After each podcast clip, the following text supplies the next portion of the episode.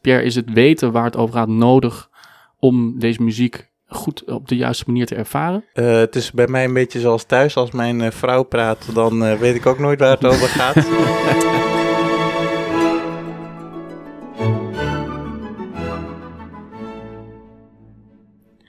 Berlioz, Bruckner, Elgar, Glinka, Hendel, Rachmaninov, Rossini, Ives Skriabin, Tchaikovsky.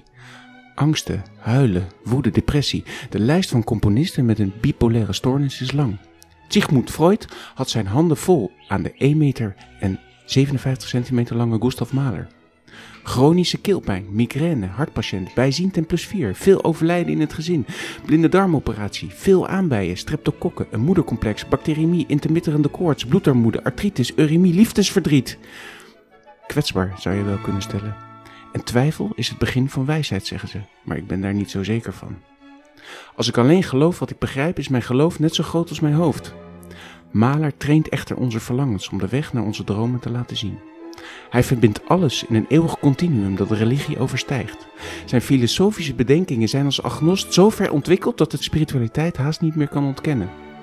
Of het nou het metafysische idee is dat we opgaan in de natuur als we sterven, of dat wederopstanding, terugkeer naar het leven plaats kan vinden in een andere dimensie, God en de natuur één zijn, moeder en kind één zijn, Misschien wel daarom moet altijd alles in Mahler zijn composities aanwezig zijn. Er is oog en oor voor elke laag en alles raakt elkaar. Gestuurd naar eigen zeggen door een alles overheersend gevoel van liefde. En als diezelfde componist, die altijd op het randje van een zenuwinstorting leefde, dan een wederopstandingssymfonie schrijft en het monumentale werk wordt gebruikt om zijn karakter en genialiteit te typeren, dan weet je dat het diepe waarheden openbaart tijdens een muzikale reis om je ziel te verversen. Brava, brava. Zo. Was Mahler maar 1,57? Zo, dat is, eh, dat is goed om te horen voor mij ook. ik denk, nou, En hij hield zo van wandelen. dat is een voortdurende sprint van hem. Welkom, lieve luisteraars. Je luistert naar Een Toontje Lager, de podcast waarin vier orkestvrienden van het Rotterdams Philharmonisch Orkest de ins en outs van het orkestleven met elkaar bespreken. Naast mij zitten alt-violist Galahad Samson, violist Wim Ruitenbeek, Pierre Buizenhornist en mijn naam is Koen Stapert, ook violist. En met elkaar bespreken we wat er op en achter het podium gebeurt. Een kijkje onder de motorkap. Dit is Een Toontje Lager. Jongens, we zitten vlak voorafgaand aan de repetitie in een eh, een studeerhok eigenlijk. Er wordt buiten wordt er, eh, zijn er laden en losse perikelen bezig. Er wordt nog ingespeeld. Dus ehm, nou, er zijn wat extra achtergrondgeluiden. Er wordt groots uitgepakt. Het doet me een beetje denken aan die aflevering van vorige week over audities doen. Want zo voelt het een beetje soms. Hè? Dit is zo'n inspeelhok. Wij zitten hier met z'n vieren. Het eh, ruikt hier al behoorlijk lekker Oh, naar eh, eh, zweetjes. Achtergrondgeluiden, alles. Iedereen zit ook lekker gebogen over zijn microfoon. Heel oncomfortabel. Ja, jongens, gaat het goed? Gaat heerlijk. Ja, fijn. Nou, dan- Lekker zo vlak voor de repetitie. We gaan zo eh, lekker de eerste repetitie van eh Mahler 2 eh, aanvangen. Deze week eh, inderdaad Mahler op de lessenaars. Eh Mahler 2, een monument van een werk, ook wel de Wederopstandingssymfonie genoemd. Het Rotterdamse Philharmonisch Orkest heeft dit werk gekozen voor de herdenkingsconcerten die het deze week uitvoert. Want aanstaande zondag 14 mei is het 83 jaar geleden dat in 1940 om drie voor half twee smiddags Duitse bommenwerpers duizenden bommen op het hart van Rotterdam lieten vallen. En die, eh, die een enorme vuurzee veroorzaakten. En in wat in eeuwen was opgebouwd, werd in een kwartier vernietigd. Maar eh, ja, Rotterdam zou Rotterdam niet zijn als het uiteindelijk ook weer opgebouwd zou worden tot de waanzinnige stad die het nu is. Eh, en die bijzondere muziek van Mahler, die eh, past er eigenlijk prachtig bij om dit te herdenken. En even over Mahler, want zijn symfonieën nemen natuurlijk een, een prominente plek in, in het orkestrepertoire. En als je het over Mahler hebt, dan komt er altijd vanzelf een soort emotionele, gewichtige lading bij kijken. En misschien kunnen we samen eens kijken wat die, eh, wat die lading dan inhoudt. Galla, herken jij, eh, herken jij dat wat ik zeg, als die lading groot is? Ja, heel, heel erg. Ehm, ik denk dat Mahler een, eh, ja, hij was natuurlijk een poëtische filosoof die heel erg worstelde met alle grote vraagstukken van het leven. En ehm, hij had moeite met het, het systeem van het leven, zeg maar. En ehm, ja, als tweede kind van, uit een gezin van veertien, in een tijd waar kindsterfte nog heel gewoon was. eh, en eh, ja, de, de, de dood keek altijd mee, zeg maar. Ook zijn levensloop, het, het, ja, het is eh, niet alleen maar eh, die bloemenweide. En met, met een eh, bewustzijn wat, wat hoger is dan gemiddeld bij hem, kan het natuurlijk niet anders dan dat, dat, ja, dat het eh, snel wat in, ja, dat het intellectueel eh, besnaard is, eh, zijn muziek natuurlijk. Want deze symfonie, hij, hij probeert antwoord te vinden op eh, le- ja, levensvragen. Wat is de zin van het leven? Dus het is niet, geen kinderachtige kost. Nee, precies. En ehm, ik denk ook dat daar de emotie bij mij daardoor er juist niet is bij het spelen. Dat klinkt heel gek. nee, maar ik zat te denken, hoe kan ik dat nou het beste uitleggen? Want natuurlijk, de, ik, ik waardeer zijn muziek ontzettend en ik, ik voel het ook en ik begrijp het ook. Maar als we bijvoorbeeld deze tweede symfonie, hè, dat dan e- een mooi voorbeeld bijvoorbeeld is, dat is het ehm, derde deel. Dat is een scherzo en dat, dat gaat over de, de heilige Antonius. Dat, die gaat een preek houden in zijn mooie kerk, goed voorbereid. En eh, gaat, eh, nou ja, die heeft er helemaal zin in, maar de, de kerk is leeg. En eh, nou, dan maar voor de vissen. En eh, dus de preken doet zijn best, helemaal goed afgerond. en, voor de vissen. en eh, nou, die vissen die fladderen zo door het water weer weg, alsof er niks gebeurd is. En, en, en dat is het verhaal wat dan in zo'n derde scherzo middendeel zit. En, en na, na een tweede deel wat alleen maar een bloemenweide is. En een eerste deel wat een ode is aan de doden. Dus je, je merkt meteen dat, dat het is ingewikkeld. En het, het, er zitten zoveel lagen in en het gaat zo alle kanten op. Dat als ik mijn huiswerk doe, dan eh, ga ik een heel eind mee. Maar me- meestal heb ik zelf gewoon behoefte aan gewoon alleen een fijn stukje muziek. Ik ben, ik ben niet intellectueel genoeg, denk ik. En, en wat is het dan dat deze muziek toch, eh, want Mahler, ik zei het al, neemt een prominente plek in, in het orkestrepertoire. Ja, Over de hele wereld geliefd. ja. maar niet, niet in de tijd dat hij het schreef. Want hij, het heeft heel lang geduurd voordat hij de erkenning kreeg die hij verdiende. En hij heeft echt moeten knokken en, en eh, moeten bikkelen om, om, het, om, de, om eh, het respect af te dwingen met zijn symfonieën. Maar hij wist, het komt. Het komt wel. Ze moeten, ze moeten eraan wennen. Hij was zo overtuigd van wie hij was en wat hij deed. Dat hij wist gewoon dat het steengoed was. En, Ja. en nu begrijpen we dat. Maar eh, shit, In zijn ik ben tijd- gewoon vergeten wat je vroeg. In zijn tijd, eh, even een aanvulling, in zijn tijd eh, was het ook helemaal niet zo eh, geliefd. En hij gaf vrijkaartjes aan studenten ja, precies. om... dus het klopt wat je zegt. dat gelukkig. betreft. Ja. dat- Dat is ook nog steeds eh, de drijfveer van veel kunstenaars. Is eh, kijkend naar het verleden, dat heel veel kunstenaars tijdens hun eigen leven niet populair waren. Dus als je nu niet populair bent, kun je altijd zeggen: ja, maar later word ik echt heel populair. Ja, en er is, er is geen spel tussen te krijgen. En dat wist hij, dus die overtuiging. En, en het klopt dus ook. Want het zit zo goed in elkaar, dat als je weet waar het over gaat. Als je, bijvoorbeeld, jij als eh, echtgenoot van een zangeres, hè, je bent getraind in het luisteren naar liederen bijvoorbeeld. Dat vind ik lastig, want ik, ik hoor een mooie melodie.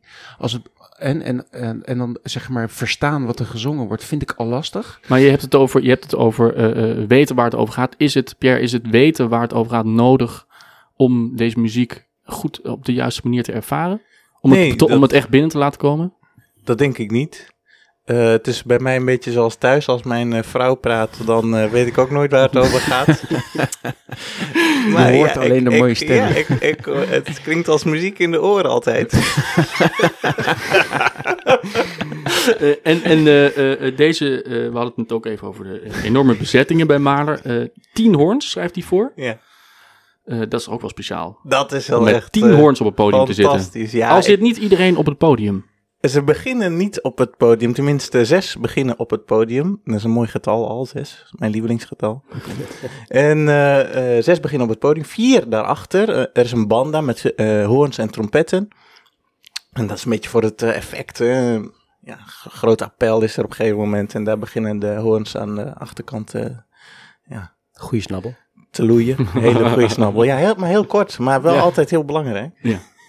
En eh, ja, wa- wat ik eh, gewoon altijd heel erg vet vind, eh, waar ik naar uitkijk deze week, dat is het eind. Vertel. Het eind van het stuk, bedoel ik dan. Ja, en wat, wat want daar zitten koralen in. En na een minuutje of zes, zeven zit er koraal en, en dat is geweldig. Dat begint Mag even na een minuut of zes, zeven in het laatste in het deel. laatste deel, oké? Dat is na alles wat Galahad net heeft beschreven, wat zo ongelooflijk moeilijk is, is er natuurlijk een moment van, eh, van, van rust. En, eh, en dan is een koraal bij uitstek de gelegenheid eh, vanwege de eenvoud. Een koraal is eigenlijk gewoon een, een religieuze meezinger. Maar wordt heel vaak in het symfonisch repertoire gespeeld de koper. De kopers die geven dat zo'n mooie gedragen klank. En vroeger, als ik begon eh, met hoornspelen in de blaasmuziek, in de blaaswereld, in de Hava Bra, harmonie van Vaar en Braasband, is het heel normaal. Is het eigenlijk, word je grootgebracht met koralen. En eh, eh, ja, aan een koraal kon je wel horen hoe goed zo'n band of club eigenlijk was. Want het is zo simpel. Maar daardoor kun je juist heel goed mengen en ja, de diepte in en die eenvoud en de, ja, de muzikaliteit die, die spat er vanaf en geeft eigenlijk aan dat alles wat je daarvoor hebt meegemaakt, dat dat allemaal wel goed komt, vooral in Malen. Ik wil even een klein stukje laten horen aan jullie.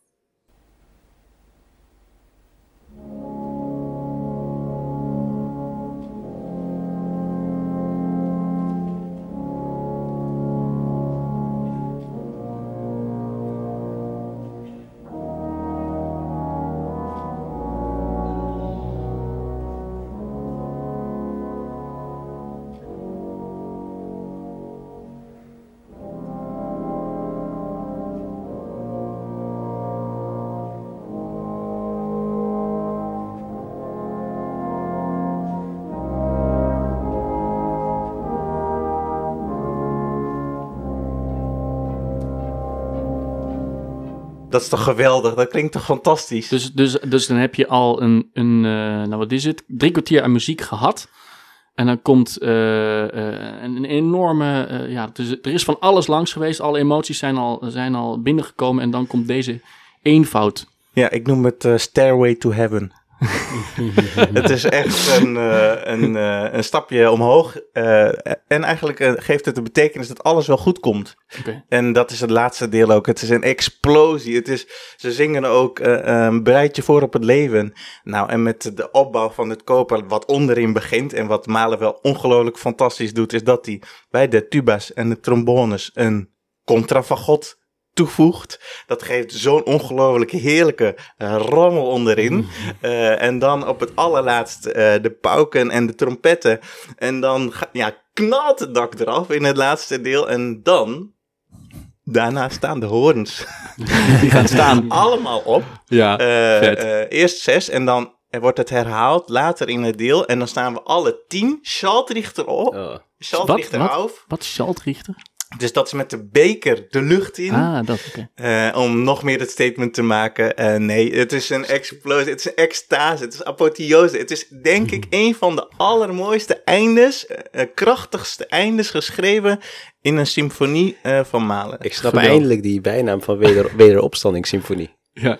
Dat ze Ja, weer opstaan. Eh, Wim, jij vertelde dat dit jouw, eh, Ja. dit is een bijzonder, eh, dit bijzondere week voor jou ook. Ja, dit is mijn laatste. Jouw laatste symfonie. Wat? Jouw laatste Mahler Mijn laatste maler. Ik, dit is me, ik heb eh, na deze week alle malers eindelijk gespeeld. Ah, die je nog moet spelen. Ja, nice. Ja, ja het is, eh, ik, ben, ik ben heel blij. Mijn lijstje is af. Dan heb ik alle Broekners, alle malers. Het is toch wel iconisch, hè? Die, die symfonie eh, in ons repertoire. eh, nou ja, wat net al gepasseerd is. Het is zo eh groots. En ik zat ook net te denken over... waarom is het dan zo populair ook? Hè? Want een beetje, we proberen een beetje te, te doorvrochten... ehm, ja, wat het dan zo bijzonder maakt. En ik snap heel goed de struggle van Gala eigenlijk, waar hij mee begon. Ik herken die wel. ehm, maar Struggle dat je van de ene emotie binnen de volgende Ja, drie dat- maten weer naar de andere emotie wordt gesleurd. Ja, Maar ook, ook toch eh, ja, dat je alles moet weten. Hè? De vraag ook die jij op, opwierp van moet je dan alles weten? Wat van het stuk Ja. moet je weten, de hele achtergrond. Eh, ik ben Maler wel meer gaan waarderen toen ik dat heb losgelaten. En me gewoon puur en alleen gefocust heb op de muziek. Oké. En op het moment zelf van de muziek. En, en, en wat voor mij Mahler eh, iconisch maakt... en wat sowieso sommige symfonische reeksen eh, iconisch maakt... is als er iconische momenten in zitten. Ik denk dat dat typerend voor populariteit is van sommige symfonieën. Kijk, als je denkt aan de Brahms-symfonieën... persoonlijke favoriet... bijvoorbeeld... eh, ja, dan heb je dat, dat vierde deel, dat vi- eh, die vierde symfonie. Daar is Ja, hij. Mooi, Wim. Yes, ik heb hier zo lang op gewacht. 12 points. Eh, maar ik bedoel, ik bedoel maar, dat zijn van die momenten, of die, of die concertmeester solo met hoorn solo eh, in de eerste symfonie. Nou, bij Mahler heb je ook van dat soort momenten. Het Adagietto natuurlijk altijd weer herhaald van de, van de vijfde symfonie. Of bijvoorbeeld de eerste, eerste symfonie. Maar dat zijn dan langere fragmenten eigenlijk. Ik heb het meeste moeite met als het, als het eh, eh, te snel elkaar afwisselt. En als het te veel lagen zijn die, als je het weet, dan, dan eh, is het heel logisch. Maar als je het niet weet, dan denk je van, eh, ja, best, wat is het voor gekkigheid eigenlijk? Als je, als je nou van de een, wat ik persoonlijk, wat ik zo, dit eigenlijk vind ik dit aspect juist zo geweldig, omdat je dus binnen drie maten ga je van de diepste krochten uit je ziel naar pure euforie. Maar het is, dus dat contrast is heel groot. Maar dat contrast is juist zo groot omdat hij dus zo enorm worstelt. En door die worsteling is ook de overwinning, en je had het volgens mij eerder al over een soort van alles overheerst in een liefde waar, het, waar hij het over heeft, is ook door die worsteling extra groot. Echt uit het leven gegrepen. Ja. ja. Nee, Dat, ik begrijp dat heel goed. Ik begrijp het heel goed. En Dus hoewel je heen en weer gesleurd wordt, is, Ja. gebeurt het wel met een enorme overtuiging. En heb je ook eigenlijk, ik heb ook vaak niet door waar dan, dan, dan ben je in één keer binnen drie maten ergens anders. Maar dan denk je, hè, hoe, hoe dan? Ja. Nee, maar jij bent, jij bent toch ook een eh, grote Strauss-liefhebber? Ja. Ja, en zij promoten elkaars werk ook heel erg. Ja. En, en, en wat ze denk ik eh, gemeen hebben, is dat er zit eh, veel achter. Het betekent echt iets. Ze, ze zeggen iets. Het is niet alleen maar... Het is niet handig voor in een lift. Of eh, voor het, eh, in de taxi of zo. Nee, of maar- voor, voor in En een zelfs hotelbar. misschien niet, of, of voor op cd. Volgens mij is dit gewoon iets waar je gewoon bij moet zijn. Absoluut. Ja. Absoluut. Al bij dat als het het vierde deel is een heel eenvoudig mooi deel begint met, een, met eh, de alt volgens mij die inzet. Met eh, drie woorden, O Ruschen rood volgens mij. Ja. Eh, en daarna komt er ook een prachtig koraal. Ja, En dan het vijfde deel word je uit je stoel geblazen door een explosie van geluid. ja. Ehm, maar dat alleen maar dat wat supergoed werkt, omdat het contrast met daarvoor zo enorm Zo is. groot is. Ja, daar, je moet er inderdaad bij zijn. Dat ben ik helemaal met Pierre eens. Nog even terugkomend op die, die, die fragmenten. Kijk, uiteindelijk voor mij, ik snap wel goed dat dat kortdurende, maar voor mij is het heel erg belangrijk dat er gewoon dat er momenten in zitten waar je helemaal in mee kan gaan. Ik denk dat dat het iconisch maakt. En, en eh, nou, ook bij Mahler zitten er gewoon veel fragmenten die eh, zo, zo typerend zijn, die iedereen mee kan zingen, die iedereen kan eh, ja, ja, in, in, in zijn hersenen op kan roepen. Zeker, Als je de eerste, die eerste symfonie, die super klassiek is, zit een contrabas solo in. Nou, dat is gewoon Vader Jacob in mineur. Ja, geweldig. Dat, dat, dat, dat is, maakt het iconisch. En dan zit er zoveel, zitten zoveel mooie momenten in, in, dat, in die eerste, eerste symfonie. Wat mijn favoriet is van de tien, eerlijk gezegd. Of van de Oh ja, negen- wat grappig. 9,5. Oh ja? Ja. Ja, is, Leuk. misschien omdat hij het meest eh, klassiek is. Omdat het daardoor beter te begrijpen is? Zou kunnen, maar ook ik, ik kijk bijvoorbeeld wel echt uit naar dat langzame deel met die, eh met die contrabas solo. ik weet de, de gemiddelde contrabassist niet waarschijnlijk, want het schijnt heel moeilijk te zijn. En dan, dan, dan ontvouwt zich daarna zo'n eh, eh, Verhaal. verhaal of, of eigenlijk voortbordurend op, op Vader Jacob in mineur. Ehm, maar dat, dat zijn van die momenten en de rest weet ik dan eigenlijk niet meer, behalve als ik het speel, weet je wel. Dus dat, dan denk ik, oh ja. En wat een ander aspect is gewoon eh, instrumentaal gezien, eh, is het wel heel erg prettig spelen. Het is gewoon, eh, hè, ik ben tweede violist. Nou, het is wel lekker dat je een moeilijke partij hebt. En dat, heb, daar, dat is ook bijvoorbeeld met Strauss ook altijd zo. Dat je Ja. gewoon echt een partij, dat je klank kan maken. Dat je Ja. ook gedwongen wordt. Dat schizofrene wat je zegt eigenlijk. Hè, dat het zo drie maten dit is, drie maten, drie maten dat is. Word, word je wel gedwongen om, om de beheersing van je instrument eh, te optimaliseren in die weken. Ja. Dus je moet zacht kunnen spelen, je moet hard kunnen spelen, je moet aan de slof, je moet aan de Ja. punt, je moet slaken en de bogen. En het goede is dat het niet per se, eh, want hij was natuurlijk een pianist, dat het niet per se pianistisch geschreven is, wat je dan vaak ziet, waardoor Ja. het onhandig ligt voor- op, op een eh, strijkinstrument. En, want dat, dat is natuurlijk de andere moeilijkheid, dat het heel erg, ehm, er staat heel veel bij in de muziek, hè. Dus, en, wat jij zegt, dat, eh, dat schizofrene, en het is ook multi-interpretabel, dus je kan er heel veel kanten mee op. Dus misschien is dat dan ook de reden dat er echt malen specialisten zijn als het gaat om dirigenten. Want er zijn Ja. natuurlijk dirigenten die er echt onbekend staan dat ze Ja. de muziek zo goed begrijpen. Ja. Wat natuurlijk fascinerend is, want bijna elk detail staat daarin. En dan nog kan je daar alle kanten mee op. Ja. Dat is natuurlijk wel interessant. Ja, dat is een goede eh, vraag. Ja, goede vraag. Hey, ik heb ook wel zin in koffie. eh Nou, zullen we kun je even wat... wat aangeven? Sorry. Ja, we, ik, kan, we hebben, ik heb hier net wat laten lopen. eh, je kan er gewoon een hele saaie zwarte koffie krijgen. Dat, dat, is die, dat is die zoom zeker. Ja, lekker. Ah. Zo. De hele dag. Het is wel hele zwarte koffie. Geef die maar naar mij dan. Overigens was ik, ik was in Oostenrijk op vakantie en eh, bij de Wörthersee. En daar is het een, een malerhuisje. Als je daar eh, een beetje aan de randen van, die, van dat meer het bos inloopt, zie je op een gegeven moment een heel klein huisje. Super vet dat hij het gewoon daar ook Heel klein huisje. Ja, heel klein. En eh, en daar, die daar gewoon met alleen pen en papier deze gigantische Gek dat, monumenten opschreef. Met veer ik- en papier misschien Met, wel. ja, misschien wel. Ja. Maar het is bizar, ik ben daar ook geweest toevallig. En eh, het is heel bizar. Toch is het bizar dat je dan daar staat en dat je denkt iets te voelen wat totale onzin is natuurlijk. Maar, Nee, maar je weet dat hij daar geweest Ja. is. Dat is toch cool? ja, volgens de overlevering, ja. Ja, soms Ja. denk ik wel eens met dat soort dingen, ja, dat huisje niet gewoon de la nou, even neergezet, weet je wel. Nee, maar ik had hetzelfde gevoel, dat je toch... Er zijn zo- foto's zo- van. Ja, ja, nee, precies. Krijg je dan in- de zin om te spelen, om, om ook iets te maken of zo? Nou, ja, nou... Als ik daar lekker tussen die, in die bergen loop... Nou, wat ik het mooie vind, is je weet, het is allemaal bij hem al aanwezig. Het, Ja. is, er, het is er allemaal al. Hij heeft niet nog extra inspiratie nodig of zo. Hij, hij kiest een zomervakantie uit en dan gaat hij het gewoon neerzetten. Bam. Papier. Ja. Zo gelukt. Lekkere koffie het wel, jongens. Dat is, eh, ik denk dat we die nodig hebben straks voor de repetitie. Zo. Want het wordt een lange dag vandaag. Lekker Eh. Concerten zijn niet alleen in Rotterdam, maar ook in Amsterdam. Eh, we gaan nog nog een dagje naar Dortmund. En eh, voor de mensen in het zuiden van het land, kunnen, die kunnen naar eh, Eindhoven komen. Eindhoven, Eindhoven, nummer 2 van Nederland. Die kunnen naar Eindhoven Zo komen. Dus genoeg eh, Zonde. momenten en genoeg plekken om eh, deze gigantische, prachtige, dit monument mee te maken live vanuit de zaal. Ehm, onze zoektocht naar de chef-dirigent, nieuwe chef-dirigent, gaat rustig verder. Wim, kan jij ons even een beetje bijpraten? Moet dat een maler specialist worden? Bedenk ik me nu ineens.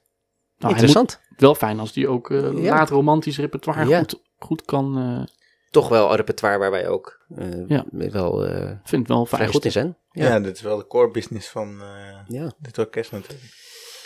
Eh, Wim, er was een vraag aan Wim. Wat was de vraag aan Wim? Of Over? jij ons kan bijpraten over de laatste ontwikkelingen in dirigentenland. Ja, nou misschien leuk om even wat nieuwtjes te bespreken in Dirigentenland. Eh, eh, afgelopen week is bekend geworden dat Alexei, en dan komt er een, de, de achternaam is voor jou Pierre vandaag? Orange nou meer.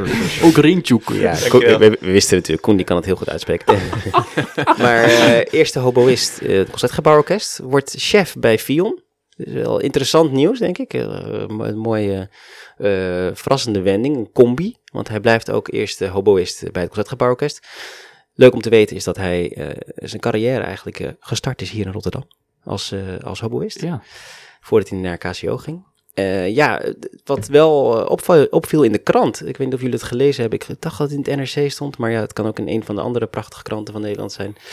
Eh stond een stukje over de aanstelling. En dat, dat, dat baarde mij enig eh, opzien. Ja. Ja, dat was Joris Nassenstein, de, de directeur.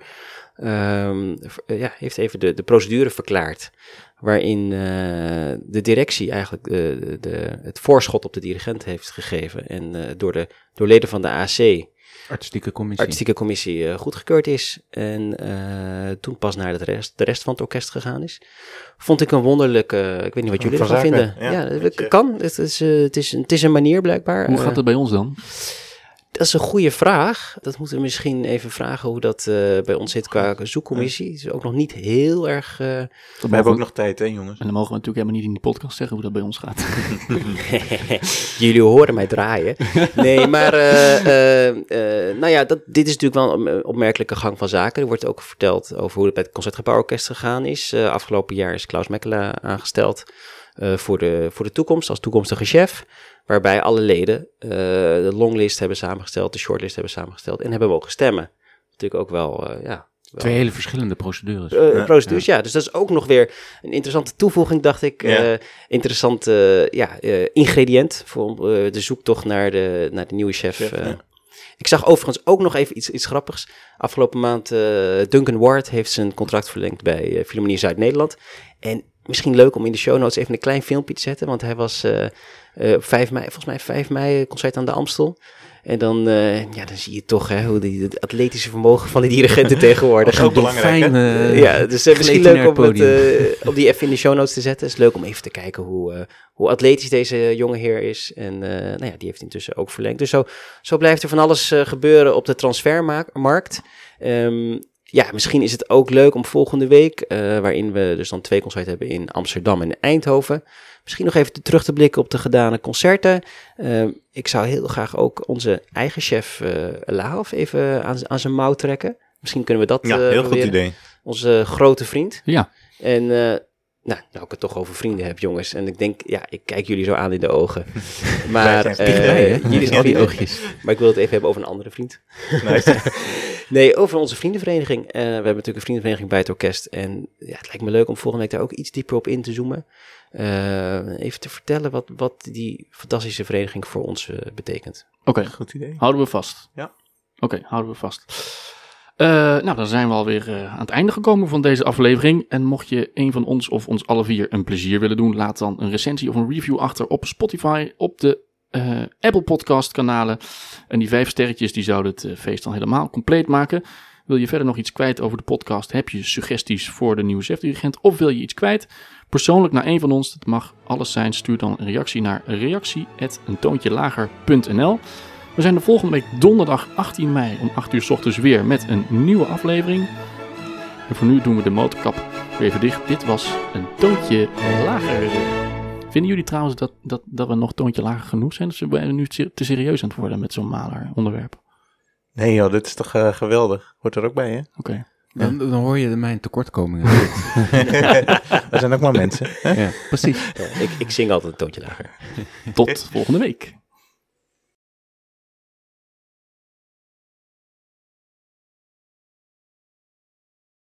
Eh, vinden jullie trouwens dat, dat, dat we nog toontje lager genoeg